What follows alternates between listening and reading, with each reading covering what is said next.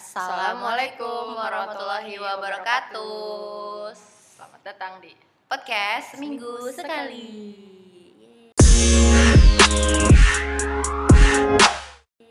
Salamnya, salamnya harus gitu ya? Ya betul. Nah ya? hari ini kita balik lagi nih ngobrol-ngobrol sama Bang Wahyu. Bang Wahyu tuh pernah ngisi di podcast ke keberapaan Pi? Nah, Mamam gue lupa. Enam ya? Wah kita saja Oh, lupa. Bahkan kita saja lupa. Saudara-saudara. ya. Iya padahal baru sedikit. Udah berasa seratusan. Berasa udah banyak. Follower baru berapa? ya udahlah. Hmm, apa hari ini kita kalau misalnya pokoknya sama Bang Wahyu itu kita akan ngomongin soal masa lalu terus nih. Iya. Nah, eh kita gue akan tahu juga soal masa depan. Oke, Asik. nanti abis ini ya kita ngomongin masa depannya Bang Wahyu seperti apa, saudara-saudara. Wah, kenceng banget. agak melenceng. Oke, nah kalau di masa lalu, eh, yang mas, yang kali ini kita pengen ngebahas soal, eh, kan dulu lu pernah eh, suatu hari ya gue pernah dengerin ceritanya Bang Wahyu tentang eh, apa namanya eh, kisahnya iblis ya, di zamannya Nabi Hmm, anda lupa ya? Oh iya, aku ingat, aku ingat iblisnya namanya itu Azazil kalau nggak Azazil. salah. Nah itu tentang Azazil ini tuh Tentang sebenarnya dia tuh apa, siapa, bagaimana, kayak ceritanya seperti apa. Eh, yuk kita mulai aja kalian ya. Iya, dengerin Dengerin cerita Bang Wahyu soal Azazil. Azazil itu siapa? Cerita Iya. Dan pasti kalian Oke. juga eh, akan eh, pernah mungkin pernah dengar soal apa namanya kisahnya Nabi Adam. X-Men. Hmm. X-Men. Oh iya, gue pernah lihat. Gue tadi lihat videonya X-Men.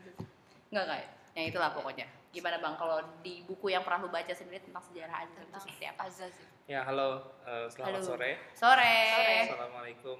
Mudah-mudahan udah ini ya, mudah-mudahan Waalaikumsalam warahmatullahi wabarakatuh. eh, nggak bosan dengerin cerita gue. Enggak kok. Nah, eh, tadi moderator bilang atau bertanya lah ya soal Azazil, Az- Azazil. Azazil itu bahasa Arabnya lah kalau bahasa kitanya itu Azazel. Azazil. A- Apa? Azazel pakai E. Azazel. Azazel. Oh, Oke. iya. Kita. Maksudnya bahasa Hmm, umumnya, bahasa umumnya bahasa Azazel. Inggris juga Azazel. Oh. Nah, eh, sebenarnya awalnya itu gue taunya itu dari film X-Men. Oke. Oh. kan ada Days of Future Past ya kalau salah ya. Uh-uh. Eh, bener gak sih? Yang X-Men yang tahun 45 itu loh. Maksudnya yang nyeritain Dr. X ketika masih bisa bergerak belum di kursi roda. Mm-hmm. Gue lupa judulnya apa tuh. Ah, First Class. First class. X-Men First, First Class. Di situ ada Azazel. Nah, terus gue penasaran aja sih Azazel tuh eh, apa sih? Kayaknya gue pernah denger di mana gitu. Dan terus gue baca ini yang Ibnu Kasir, kisah para nabi. Oh. Nah, situ ada tuh. Nah, ternyata eh, pas gue cari lebih jauh, eh, memang ada di beberapa sumber. Nah, di beberapa sumber ini maksudnya gini loh, enggak. eh, oh, pertama mungkin gue akan bilangin dulu kali ya. Eh, Gue sambil nyatet ya. kan kita kan pernah dengar kisah Nabi Adam ya, Ya. atau mungkin kisah nabi-nabi yang lain deh. Mostly itu mayoritas tahunya itu waktu kecil, mungkin ya. Ketika bocah terus diceritain di TV atau sama orang tua atau guru ngaji atau di sekolahan dan pelajaran agama gitu kan. Jadi taunya tuh taunya biasanya orang kebanyakan itu adalah eh, apa ya cerita garis besarnya aja, gitu, Ha-ha. tapi nggak detail. Ya ya ya. Nah, jadi ketika dia dengar hal-hal yang dia baru tahu ketika dewasa, itu biasanya itu banyak kecurigaan. Padahal itu karena yang dia tahu itu baru garis besarnya aja, belum detail. Nah, salah satu yang detail itu ya termasuk Azazel ini. Mm. Ntar sebenarnya di kisah Nabi Adam ada lagi yang kisah-kisah detailnya gitu. Itu biasa, tapi masih kesebar-sebar sih menurut gue ya. Maksudnya ada yang di Noman Alifan, ada yang di Adi Hidayat. Gue belum nemu sih satu buku cerita Nabi itu yang benar-benar detail tuh gue belum nemu. Hmm. Ya, ya. Kalaupun ada yang detail itu itu buku-buku lama klasik gitu. Kayak misalkan Ibnu Kasir itu kan dia ada sejarah Nabi itu yang tebal yang seribu halaman. Tapi kan gaya gaya nulisnya ulama klasik itu beda sama sekarang. Mm-mm. Jadi dulu itu kayak ngumpulin hadis-hadis riwayat, udah nggak diterangin gitu. Kalau kita kan sekarang butuh diterangin kan, Iya, betul. Iya. karena kita nggak sepintar orang dulu. Aku belum nemu. Ya, Mungkin ntar ini mau nulis kisah Nabi yang Waduh. detail. Insya Allah. Gimana ya? Nah, jadi salah satu eh, yang di kisah Nabi Adam yang detail itu soal Azazil. Maksudnya detail itu dia mungkin nggak familiar buat kebanyakan orang, tapi emang beneran ada kisah ini. Nah, jadi ceritanya itu siapa sih Azazel ini? Jadi dulu itu eh, bumi sebelum ada manusia itu dihuni sama makhluk lain. Oke, Gitu. jin bukan? jin. Jin. Jin. Nah, si Azazel ini itu jin Ah, dari kalangan jin. dari jin. Nah, terus dia di jin itu kan ada banyak nabi juga kan. Nah, terus eh, sayangnya ya kayak sekarang aja sih nabinya dibunuh-bunuhin. Hmm. Nah, sementara si Azazel ini jin yang soleh gitulah, yang baik lah. Nah, akhirnya dia beribadah terus, beribadah terus lama aja. Eh, nggak disebutin sih berapa tahun ya. Cuman gue pernah baca itu katanya angkanya di ribuan tahun. Nah, akhirnya Berarti umurnya dia dia- juga panjang dong ya? Kenapa? Umurnya Umurnya panjang kan Oh. umurnya sampai hari kiamat nanti. Oh. Jadi iya umurnya sih. panjang banget. Nah, habis itu karena dia saking baiknya dia diangkat ke langit. Jadi ibadahnya di langit gitu. Hmm. Terus eh, di langit satu, terus dia tetap ibadah. Akhirnya naik langit dua, langit tiga, langit empat sampai langit tujuh. Mm-mm. Nah, cuman langit tujuh kan sebenarnya puncaknya tuh. Sebenarnya nggak ada makhluk yang bisa lewatin langit tujuh. Kecuali Jibril apa kalau nggak salah. Jadi waktu Isra Miraj eh, yang bisa nyampe Ars itu cuman Nabi Muhammad tuh. Nah, Jibril itu juga sebenarnya nggak nggak bisa nyampe ke Ars. Oh gitu. Gitu. Keren Jadi kalau nggak salah tuh di atas langit tujuh itu ada air. Hah? Jadi kayak air gitu yang memisahkan antara eh, langit tujuh sama Ars. Hmm. Kalau nggak salah segitu singkat gue ya. Nah terus pas udah di langit tujuh kan si Azazel ini eh, makin soleh makin baik lah. Mm-mm. Jadi lu bayangin kayak dia itu kayak apa ya? Kayak mahasiswa berprestasi gitu lah. Pokoknya Oh. prestasinya tuh udah udah dikenal di malaikat tinggi, lah, udah iya. tingkat tinggi kan. Sampai disebutkan eh, hamba yang soleh. Nah akhirnya karena dia prestasinya eh, bagus, dia dapat tugas, Hmm. dapat tugas turun ke bumi untuk eh, perang melawan bangsa jin. Si Karena tadi kan ini. tadi kan bangsa jin di bumi itu kan dia suka bunuh nabi berbuat kerusakan segala macam lah jadi bumi itu kacau banget waktu itu nah akhirnya dia diutus si Azazel ini ngebawa pasukan malaikat jadi pemimpinnya tuh si Azazel jenderalnya nah akhirnya tuh terjadi perang yang besar banget waktu itu di bumi dan pasukan malaikat menang Oh, gitu. terus pasukan jin yang kalah itu kabur kabur. Berarti mereka nggak mati ya? Ya banyak yang mati, Banyak korbannya mati, oh, banyak. banyak. Cuman yang selamat itu kabur ke Oh. mana tempat-tempat terpencil. Makanya sekarang dibilangkan eh, jin itu di tempat-tempat terpencil kan, kayak misalkan di gurun, di di yang ada yang bilang ya di segitiga bermuda, terus pokoknya di tempat-tempat yang manusia tuh nggak ada gitu. Ada di situ. Kalau misalkan ada tempat ada manusia tuh biasanya dia nggak mau. Oh. Nah terus eh, Azazel balik nih ke langit setelah menang kan, dan dia dapat tambahan prestasi. Heeh. jadi kayak pemimpin malaikat lagi kan dia pemimpin pasukan malaikat kan Oh dia jadi pemimpin malaikat. iya kan dia jenderal perangnya Wih. nah bumi kosong dong karena kan pasukan jin kalah Nah, jadi bangsa jin udah kalah terus bumi kosong nah terus Allah mau ngisi bumi Hmm. nah dengan apa dengan makhluk baru namanya manusia Hmm. makanya ada dialog kan antara Allah sama malaikat Malaikat tuh ya. aku hendak eh, apa menciptakan satu makhluk baru nih namanya manusia. Nah makanya kan malaikat bertanya kan, kenapa kamu hendak menciptakan eh, makhluk yang eh, akan berbuat kerusakan? Mm-mm. Kan kalau orang yang gue pertama kali baca tuh bingung gitu. Ini malaikat nanyanya kok aneh gitu. Dan kenapa kamu apa? eh, kenapa kamu hendak membuat sesuatu yang akan berbuat kerusakan? Loh berarti sebelumnya ada makhluk dong yang berbuat kerusakan. Makanya malaikat mengkonfirmasi kan, bertanya. gitu. Tapi waktu itu pas gue nanya diomelin, oh, enggak ada, nggak bisa, nggak ada itu. Tapi pas gue cari tahu ternyata ada, gitu. ternyata bangsa jin. Eh, nah, habis itu eh, Allah bilang kan ini kan, aku mengetahui apa yang tidak kamu ketahui. Mm-mm. Itu dia ada di surat Al-Baqarah ayat 30 ya. Wah ini luar biasa. Langsung buka. Oh gitu. ya teman-teman bisa bisa buka juga ya. Jadi ini ini calon Aduh, aduh. hafizah ya. Iya. Masya Allah. Ya, Doain aja lah ya, Masya Allah. Amin. Udah hafal 30 Hmm, jus 30 Oh, udah. juz 30. Juz 30 ya. Kira 30 ayat. Nah, habis itu eh ah, ini ada yang bilang ini ini gue baca dari riwayat ini, tapi gue nggak tahu ini kuat apa enggak riwayatnya. Ada yang bilang proses penciptaan Adam itu puluhan ribu tahun sebenarnya. Hmm. Cuman di Al-Quran itu kan disingkat aja kan, tiba-tiba udah jadi aja. Aha. Puluhan ribu tahun. Wow. Nah, jadi kayak dibenerin dulu apa sosoknya, terus kayak di apa dibentuk lah sosoknya Allah yang dibentuk. menciptakan gitu. langsung dengan Ya, jadi memang langsung Allah yang nyiptain Ah. langsung. Ya. Dan Adam itu langsung dewasa, dia nggak nggak melalui proses anak kecil. Nggak. Nah habis itu kita tahu kan Adam tuh dikasih pengetahuan lah, Hmm. kasih ilmu, dikasih tahu benda-benda langit dan segala macam. Nah, Hmm. ini ada dua kemungkin ada dua pendapat katanya. Ada yang bilang Adam tuh memang dikasih tahu seluruh ilmu, Hmm. ada yang dikasih ada yang bilang dikasih tahu nama-namanya aja. Kayak misalkan ini bintang nih apa. Oh gitu. Tapi ada yang bilang dikasih tahu seluruh ilmu emang gitu. Makanya kan eh, ada hadis yang bilang waktu Adam dikasih tahu nih Daud ah, anakmu gitu. Terus ini, jadi katanya tuh Nabi Adam tuh tahu seluruh wajah, karakter, terus tinggal di mana, anak-anaknya semuanya tuh dari dia sampai kiamat. Sampai kita. Nah, Sampai tahu. kiamat. Ini juga tahu dong. Hmm, Jadi dia kenal semuanya. Anak cucunya, cicit. Iya. Lucu ada. Nah habis itu akhirnya disuruh ini kan, disuruh eh, sujud. Mm, Nah ketika disuruh sujud, eh, Azazel nggak mau. mm, gitu alasannya karena eh, saya lebih baik dari dia mm, saya terbuat dari api dan dia terbuat dari tanah. Nah sebenarnya ulama tuh eh, pada beda pendapat kenapa sih kok iblis jawabnya aneh gitu? Maksudnya kayak nggak ada hubungannya kan? Jadi argumen kenapa lu lebih baik argumentasinya tuh aneh gitu. Oh. saya terbuat dari tanah eh saya terbuat dari api dia terbuat dari tanah itu kan kayak nggak nyambung. Gitu. Nah sebenarnya uh, Nauman atau siapa ya gue lupa deh. Nauman Ali kan kalau nggak salah ah, dia ahli tafsir Amerika dia bilang sebenarnya uh, argumentasi iblis itu cuman nyari-nyari aja Oh. nyari-nyari alasan aja Alasan Zazel Untuk tidak mau bersujud ya. Heeh.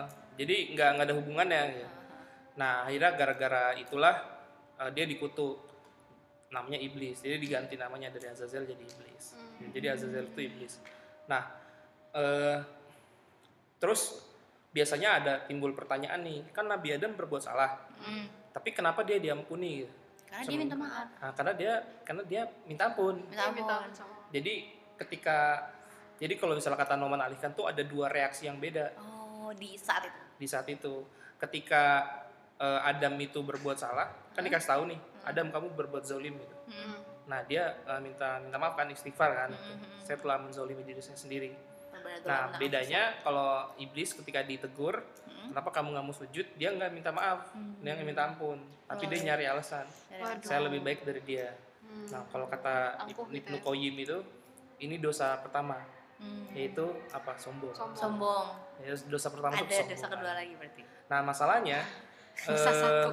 Dosa satu. iblis gini iblis benar nggak lebih baik dari Adam Ya, karena dia udah melakukan banyak ya dia udah banyak perbuatan jasa kan kan. Iya, iya, Jasanya di- banyak banget maksudnya dia. secara sampai objektif emang dinaikin. benar gitu loh Iya.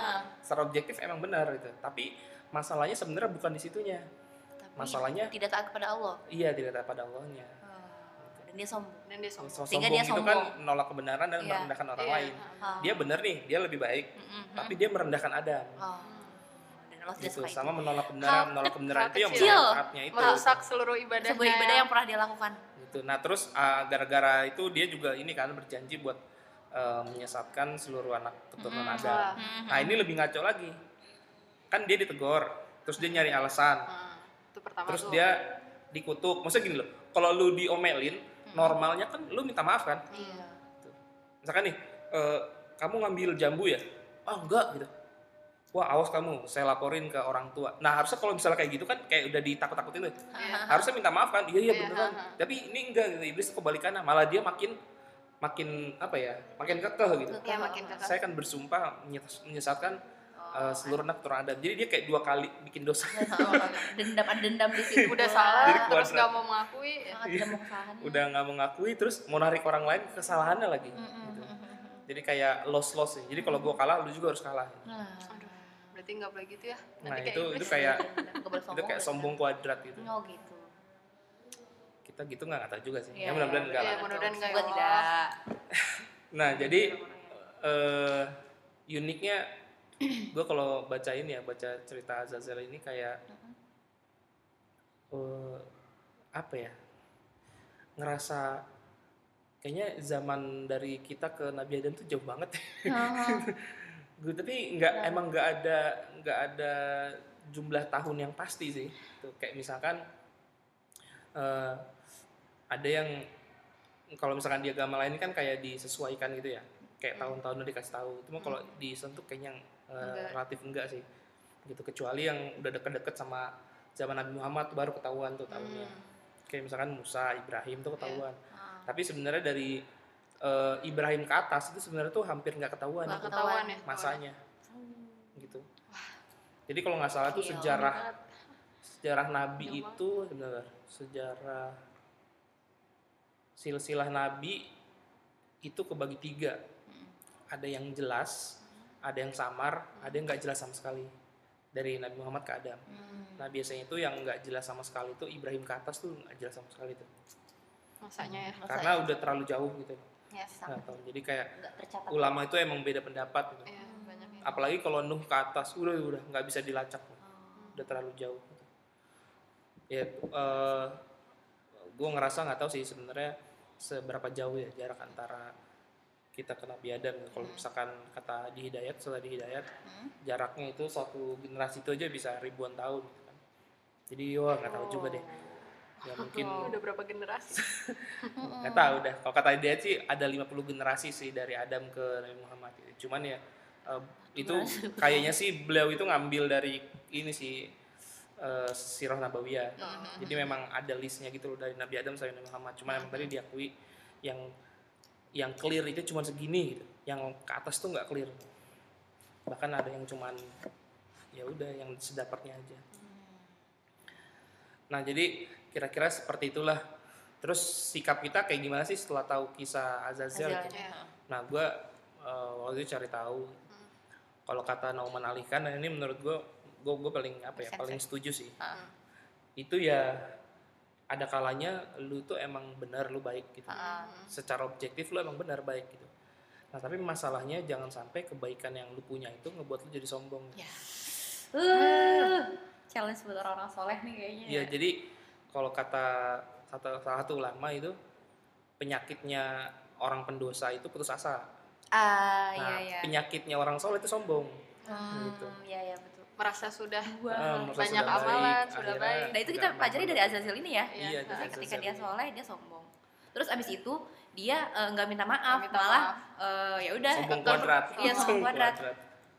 Kesalahannya jadi double. Iya soalnya jadi double. Nggak apa ya berputus asa sama, berputus asa sama rahmatnya Allah gitu sama perto- oh iya, ampunannya benar. Allah Berputus asa. sebenarnya. Kayak gitu. Nah, gitulah akhirnya ya kita tahu deh kalau misalkan ada yang bilang siapa musuh manusia yang nyata itu dibilangnya tuh iblis. Iblis. Lo inget gak sih yang gue gak tau sih pengen ngebahas soal eh, yang kalian pernah eh, ingat gak dengan kalimat eh, "Ak- kalian suci aku penuh dosa Oh itu.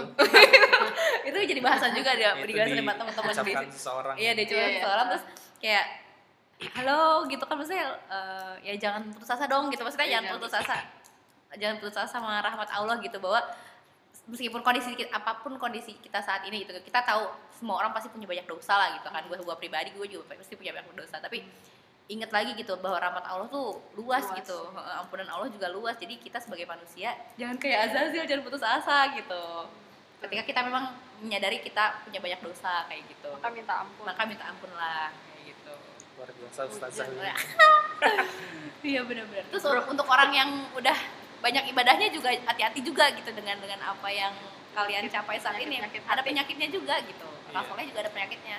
Bahwa kalau bisa aja dia dia jadi sombong yang Hati-hati antara Betul. dua itu ya, sombong sama putus asa. Iya. Sombong dan putus asa. Kayak orang yang muter-muter di situ aja sebenarnya tuh. Iya. Kalau lagi baik dia hati-hati sombong, kalau Ah. lagi dia ya banyak dosa hati-hati putus asa. Iya, hati-hati. Harus berhati-hati ya hidupnya. Nah gitu eh, Menarik. kisah iblis ya gitu sih. Nah eh, lucunya itu ketika dia di neraka itu kan, Hmm. nanti nih ketika di akhir zaman itu habis udah semua semua selesai udah selesai nih kiamat terus udah selesai dihitung terus Dihisab. udah masuk neraka gitu. Katanya iblis itu pidato. Iblis itu pidato sama orang-orang ngikutin dia gitu. Katanya, Oh, iya. "Eh, sebenarnya saya itu cuma menggoda kalian. Gitu. Ah, Dan iya. keputusan kan tetap di tangan kalian katanya. Oh iya, iya, iya. Aduh. Salah kalian sendiri ngikutin saya. Karena sebenarnya kita punya pilihan gitu untuk tidak mengikuti itu. Iya benar Iya. benar. Kuat-kuatan Itu lucu. iman Luar biasa. Iya, iya benar-benar. Oh terus gue inget nih satu cerita, ini eh, gue juga belum tahu ya Hmm. ini riwayatnya bener atau maksud gue kuat atau lemah gitu. Iya. Jadi pas di zaman siapa ya? Zaman Nabi Musa atau siapa gitu, gue agak lupa deh. Pak Nabi Ibrahim gue lupa. Iblis itu sempat ditawarin ini, ditawarin tobat sama Oh, apa? Oh gitu. Jibril. Heeh. Kalau nggak salah dia datengin, tuh? Heeh. eh, terus diajak ngobrol, dialog tuh. terus ditawarin tapi ada satu syaratnya Apa? syaratnya dia harus sujud ke kuburan Nabi Adam Tetep nggak mau. terus bilangnya gini iblis ketika Nabi Adam hidup aja saya nggak mau apalagi dia udah mati Kenapa kamu itu teh? lucu Iya. oh gitu ya udah akhirnya nggak diterima udah baik ngeri, ngeri banget ya.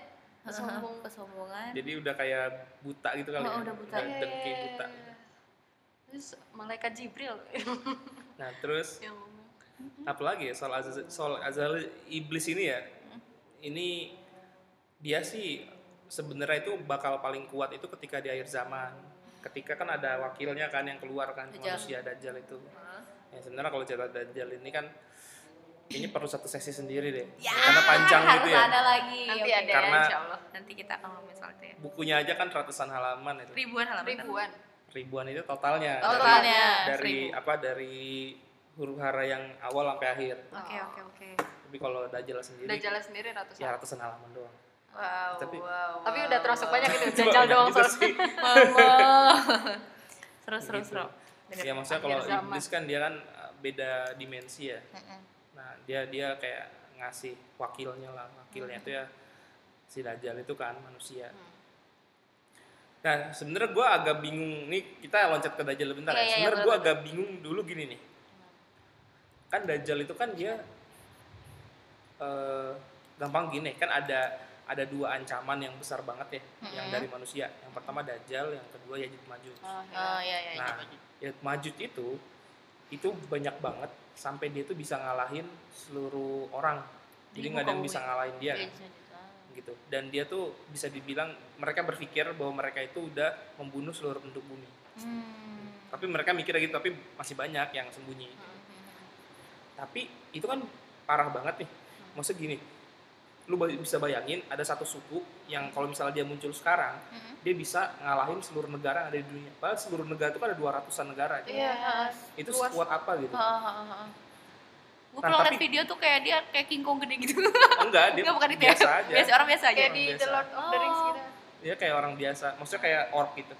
Enggak, kayak manusia biasa. Manusia biasa. Oh. Manusia biasa. Nah, gue bingung masa Yajud Majud sedahsyat itu tapi lebih Dahsyat dajjal. lebih dahsyat. Lebih dahsyat Kan dibilang kan ujian terbesar itu kan Dajjal kan. Dajjal. Bukan Yajud Majud, bukan Ha, apa Fitnah. eh, mungkin Fitnah yang yang lain gitu.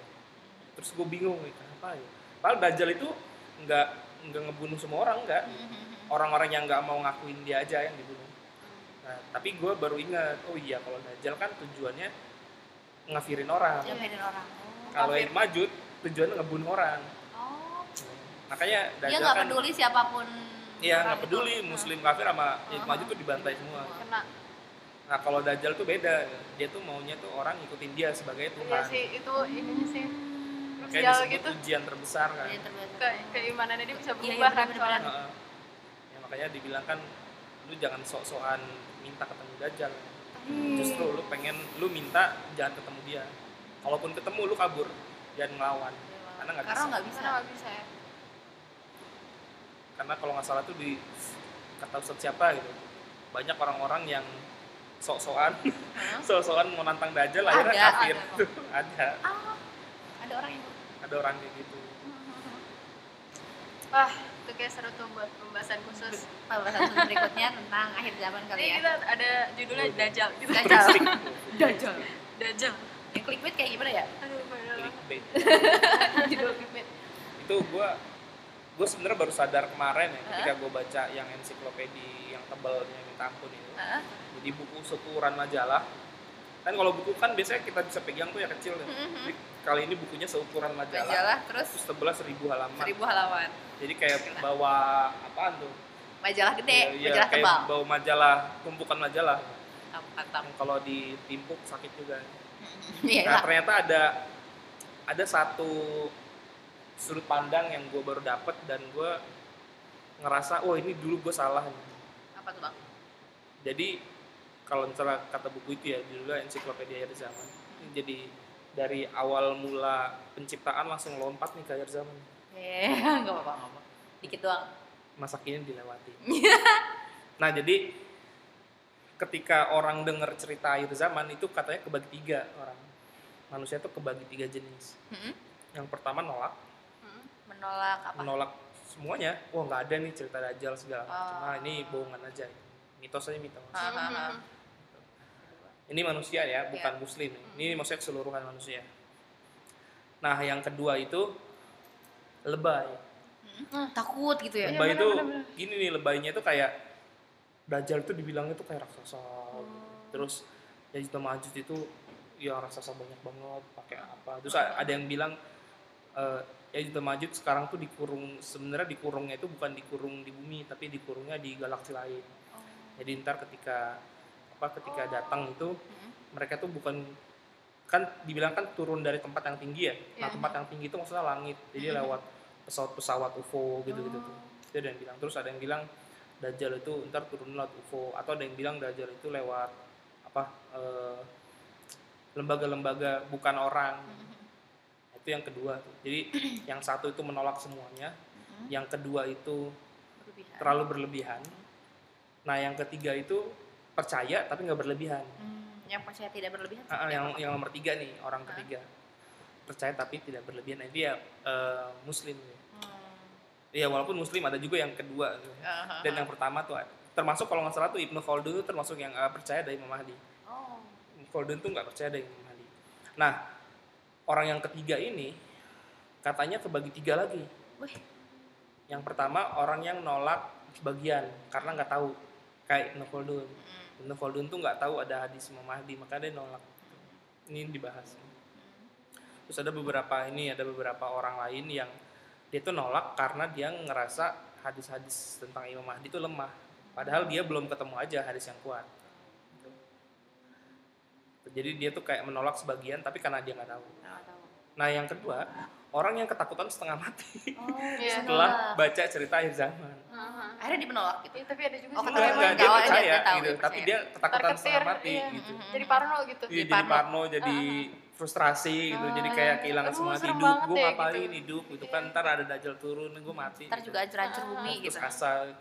Gue dulu Terus ya, termasuk Kak? yang itu tuh. yang takut Iya. gue pas masih kecil sih Oh kecil ya. gue sampai ini apa namanya nanya ke mama mah matahari masih Oh iya, tiba-tiba Neng- nengokin matahari ya? nengokin matahari gue Set dah, itu pas masih kecil tapi itu karena gue masih kecil di, diceritain soal itu sih soal Ya. akhir zaman dia takut Nah, nah sebenarnya yang benar itu yang ketiga lagi nih, yang C lah. Kan tadi kan satu dua tiga ini A B C. Kalau A itu yang nolak karena sebagian nggak tahu. Heeh. Nah yang kedua itu Mar Parno takut banget. takut banget Nah yang ketiga ini jadiin berita eh, akhir zaman itu sebagai warning. Hmm. Jadi justru dia tuh malah apa ya kayak cepat-cepat ngelakuin kebaikan gitu. benar-benar Waktu gua dikit nih, jadi Uh-uh. gua harus cepet-cepet. Nah masalahnya adalah ketika lu sharing atau denger sharing tentang akhir zaman, biasanya itu yang nomor dua nih, yang yang yang B tadi tuh, yang yang ketakutan yang banyak, itu gitu kan. Jadi ditakut-takutin orang. Nah padahal ketika di- itu dijelasin ya ada ada banyak ceritanya hadis-hadisnya. Ketika Nabi ngejelasin itu nggak ada takut-takutin sahabat, Mhm. adanya ngasih solusi Hmm. gitu. Kayak misalkan salah satunya ya, kayak misalkan gini, eh bersegeralah kamu melakukan amal baik sebelum datangnya fitnah yang semua orang tuh nggak bisa menghindari nggak bisa menghindari gitu. Nah terus kata si penulis gini, menurut kamu, menurut anda, Nabi itu menakut-nakuti atau ngasih semangat? Tuh, Terus dibedah sama dia. Hmm. Sebenarnya Nabi itu ngasih semangat karena dia ngasih solusi di awal. Hmm. Solusinya apa? Bersegera membuat kebaikan. Itu solusinya. ya, Tuh, jadi dikasih solusi dari awal. Tapi orang yang baca itu nggak ngeh, Oh, iya. nggak ngerti. Dia nangkepnya, wah ini ntar bakal ada apa eh, huru hara yang semua orang tuh nggak nggak bisa ngindar gitu. Nah gitu karena eh, banyak orang yang nggak sadar di situ. Nah terus abis itu dia langsung ngasih hadis banyak kan. Ini saya kasih nih contoh-contoh hadis. Nah ketika Nabi ngomongin soal akhir zaman itu pasti selalu ada solusinya di situ. Jadi sebenarnya eh, Nabi itu ngasih tahu itu buat jadi gini loh. Nih ntar di masa depan nih ada suatu hal yang buruk nih. Hmm. Nih saya kasih tahu caranya untuk menghindar tuh kayak gini. Nah kamu kalau misalkan eh, deket-deket di situ cepet-cepet deh lakuin solusinya. Supaya kalaupun misalkan ntar datang dan kamu ada di zaman itu kamu bisa selamat. Nah itu kayak gitu tuh cara nabi tuh. Iya benar-benar. jadi orang-orang jadi sahabat nabi yang dengar coba lu ini deh lu inget-inget deh lu pernah baca nggak sih ada sahabat nabi yang putus asa pas denger ceritain zaman? Tuh kagak ada gitu. justru yang ada dia tuh kayak siap-siap. Iya, bersiap untuk gue heran kenapa orang sekarang banyak yang putus asa gue juga bingung dulu kan oh ternyata emang salah salah belajar intinya kayak gitu lah salah belajar tuh salah ngajarinnya gitu. Gini nih, berarti sebenarnya pada dasarnya setiap manusia yang tadi diceritakan kan ada beberapa tipe. Semua manusia itu akan merasakan kengerian ketika ngomongin akhir zaman ya. Ah. Cuman pada akhirnya eh, kita kita mau jadi pilihannya adalah kita mau jadi orang yang sadar atau tidak sadar. Ketika Hmm. kita bila pilih jadi orang yang sadar berarti kita tahu dong itu tuh sesuatu yang pasti dan kita harus melakukan solusi yang udah dikasih sama Nabi. iya benar Kalau misalnya kita jadi orang yang tidak sadar, gak sadar terus gitu, kita akan Nggak selalu ketakutan dan ah. putus asa di situ gitu. Iya, benar. Kayak gitu kan ya bang. Berarti ada dua pilihan nih teman-teman. jadi bukan fear Mm-mm. tapi eh, bisa dibilang apa ya jadi bukan ketakutan tapi bersegera bersegera apa bahasa Inggrisnya Iya. moving Bukan forward Eh bang, tapi ada on. yang apa namanya? bukan fear tapi move on Ada per- perkiraan ini jadi bahas akhir zaman Iya. lebih lagi. Mm-mm. Kayak Lompat, nih. perkiraan-perkiraan tahun tuh bang biasanya Oh. dijelasinnya gitu kan. Ada sebagian orang yang ngerasa emang bener ya yang diperkirain sama manusia gitu. Pada akhirnya kan saya dari fase eh, berapa ke fase mana gitu kan. Nah, itu sebenarnya gini sih eh, harusnya sih jangan dipastikan kayak gitu jadi dipastikan Hmm. kayak karena gini eh, nabi itu nggak pernah ngasih tahun yang pasti itu nggak pernah gitu. Karena ya gimana ya? dia buat apa juga gitu. Eh, itu bakal ngebuat orang-orang malah kebingungan nanti. Dan malah ketakutan. Yang dikasih tahu itu tanda-tandanya aja. Tanda-tandanya aja. ini tuh kayak takdir yang disembunyiin sih. Kalau misalkan lu udah tahu kan lu bakal ngelakuin ini ya lu akan ada dua kemungkinan kan kalau nggak lu nggak mau ngapa-ngapain atau lu ketakutan atau lu apa. Nah tapi memang ada orang-orang yang yang netapin itu sih kayak misalkan ini ter- terjadi tahun sekian tahun iya sekian tahun sekian nah itu sebenarnya nggak nggak usah di apa ya nggak usah dipercaya bisa karena itu sifatnya prediksi Ya. dia nggak netapin Malah jadi salah ya juga. kalau kita meyakini. iya iya karena memang Nggak ada yang tahu ada ya? yang tahu Iya. nggak ada yang tahu. gitu. Kayak misalkan yang Dajjal keluar tahun sekian. Dulu tuh ada buku tuh Iya. Imam Mahdi keluar Oktober 2015. wah Karena dia makin numerical Udah gitu lah lewat. hitung-hitungnya. udah 2019 ya Iya, terus eh, dikritik. Itu ternyata yang nulis sih. Oh. gue baru tahu oh. Untung gue nggak jadi beli bukunya. ya, karena gue aneh aja kok ada yang berani netapin Tetapin tahun gitu. Gitu, walaupun kalau misalkan ditarik-tarik, dilihat-lihat gitu. eh, ya mungkin emang bisa kelihatan maksudnya kayak kalau Tanda-tandanya Oh, sih Tanda-tandanya bisa. kelihatan gitu ya. tanda-tandanya sih bisa gitu kayak misalkan nih eh, Dajjal kan ngelilingin bumi tuh cepet banget Hmm. ya kan kan kita kan kalau misalkan lu di zaman sahabat deh itu nggak kebayang gitu kok bisa sih Dajjal ngelilingin bumi cepet gitu? Gimana caranya? Maksudnya dari Mekah ke Madinah aja lama banget kan kalau naik onta gitu. tapi kalau kita zaman sekarang kan bisa kan? Mikir ya bisa. Gitu. Pesawat. Bisa. yang pakai teknologi-teknologi gitu. Bisa gitu. Berarti kan emang udah dekat gitu. Hmm. kayak misalkan lu nanya sama orang zaman dulu manusia bisa terbang nggak ya dia bilang nggak bisa kalau kita dibilang ditanya sekarang ya bisa bisa bisa pesawat buktinya naik helikopter apa segala macam jadi ketika ketika hadis-hadis dajjal itu kelihatan masuk akal itu berarti tandanya emang udah deket udah deket Iya iya iya iya. Nah, Oke. ini panjang lah ngomongan ini ya itu bisa di next episode ya Next. Balik. episode ya. Baik baik baik Kak Zazel. Balik-balik. soal Azazel wah Azazel Yang tanya perlu nggak sih? pertanyaan Cerita Oke, ya. ada dua pertanyaan tadi. Iya. Yang pertama, iblis itu iblis itu bisa nikah nggak sih oh terus So- eh, sama manusia? terus Gue nggak tahu apa apa hubungannya dia siapa sama nanya kayak gitu. Ada Najwa. seseorang. Oh iya seseorang. Terus ada satu lagi iblis itu apa cuma satu? hmm. Heeh. Ya gitu. Sisanya apa? lu tau Yang nggak pertanyaan yang pertama itu pernah ditanyain sama Ustadz Khalid Ah, Oh iya. Ustadz Khalid Khalid. Basalamah. Wah, terus Ustadz Khalid biasa. ketawa Riz, Riz. Riz. Lo terus jawabnya gini ada-ada aja manusia Oh, gitu? Jawab gitu tapi dia dijawab juga Oh. jawabannya gini eh, apa dulu ternyata gini pertanyaan ini tuh nggak nggak pertanyaan baru gitu loh Hmm. jadi eh, orang dulu itu pernah nanya juga ke ulama wah gila. terus jawaban Kamu ulamanya kayak gini. "Eh, mohon maaf saya nggak diundang ke pernikahannya Tulis jawabannya begitu.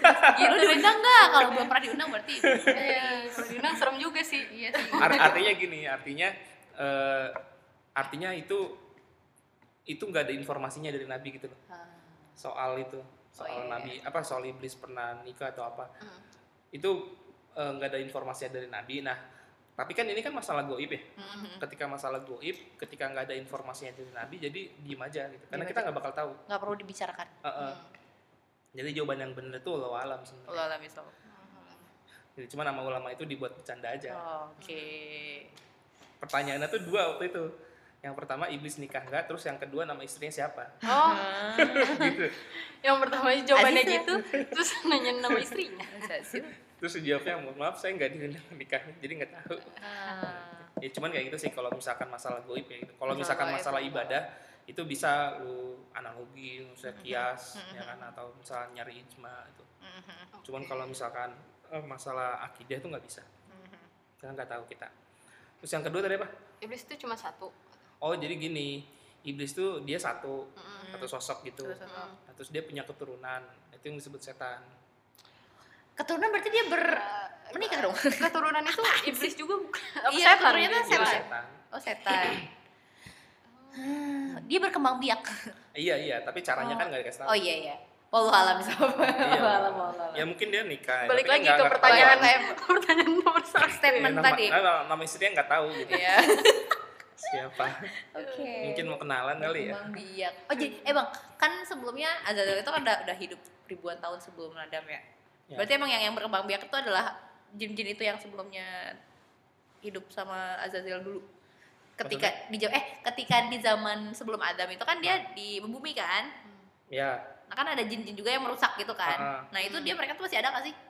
sekarang Nah sekarang. Yang- maksudnya gini eh, bangsa jinnya Bangsa atau jinnya. jin yang waktu itu Jin yang, Yang waktu itu. Oh, jin waktu jin itu ya mungkin ada yang udah meninggal banyak karena perang gitu. ada yang kena perang mungkin ada yang selamat tapi Selamat. meninggal biasa salah. atau ada yang umurnya sampai sekarang yang nggak tahu juga kan kita Oh kan gitu ya. Allah alam Tapi di tempat-tempat yang tadi Bang Wahyu bilang kayak yang apa? Kayak di gurun-gurun. ya, kayak gitu gitulah gitu-gitu ya. tempat-tempat ya biasa yang yang eh, normalnya sih jin di tempat yang nggak ada orang Yang nggak ada orang. Eh, terus kalau yang misalnya or- eh, yang menggoda kita ketika Ih, sekarang nih saat ini Hmm. tuh tuh setan-setan atau Azazil juga Oh berperan. Azazil mah di mah- di, di istananya aja. Oh, di Maksudnya iblis aja. lah. Sekarang kita Iblis nggak ya? bilang Azazil lah karena Oh iya kan iblis. Azazil itu kan nama sebelum dia jadi iblis. Oh iya, si iblis iblis, ini benar. berarti udah Si iblis itu kan raja. Jadi dia di istananya aja. Dia tuh eh, ini nih dari Ustaz di Hidayat ya. Hmm. Jadi iblis itu dia punya pasukan, punya pasukan setan. Hmm. Terus masing-masing ada tugasnya gitu. Ada yang kalau nggak salah tuh termasuk yang setan elit itu yang tugasnya itu ngebuat suami istri berantem sama pisah. Oh no. Yang Setan paling elit tuh, termasuk Setan yang elit tuh. Gila gila gila.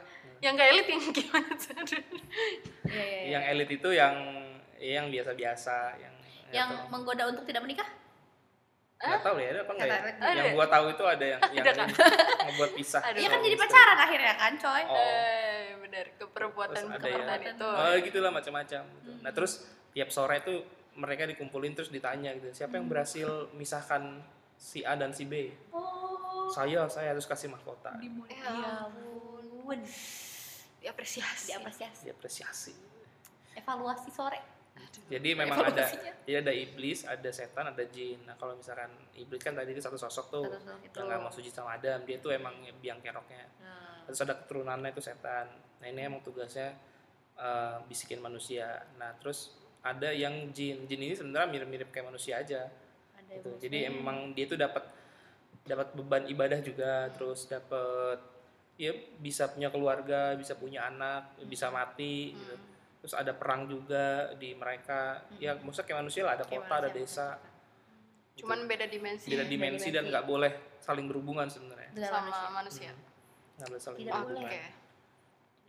ya bedanya paling dia bisa terbang gitu gitulah kan disebutkan kan ya, jin tuh ada yang di udara ada yang di darat ada yang di air Ah, gitu.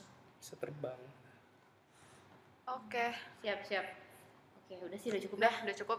Jadi kali ini topiknya campuran. campur aduk Topiknya dari sih ya. apa tadi tuh? Jin, Ngebahas eh Azazil dulu, iblis, iblis, heeh. iblis. dan apa yang kita bisa ambil dari eh, apa namanya kisahnya si iblis ini ya nilai apa yang bisa kita ambil dan kita jadi pelajaran gitu Iya. Pokoknya intinya Soal nggak tadi boleh sombong. nggak boleh sombong. dan nggak boleh berputus asa ya dua itulah. Dua itu oke benar-benar. Dah, nah nanti selanjutnya kita akan ngebahas ya banyak lah tentang akhir zaman akhir kali ya. zaman Wah, kali ya atau ngeri banget.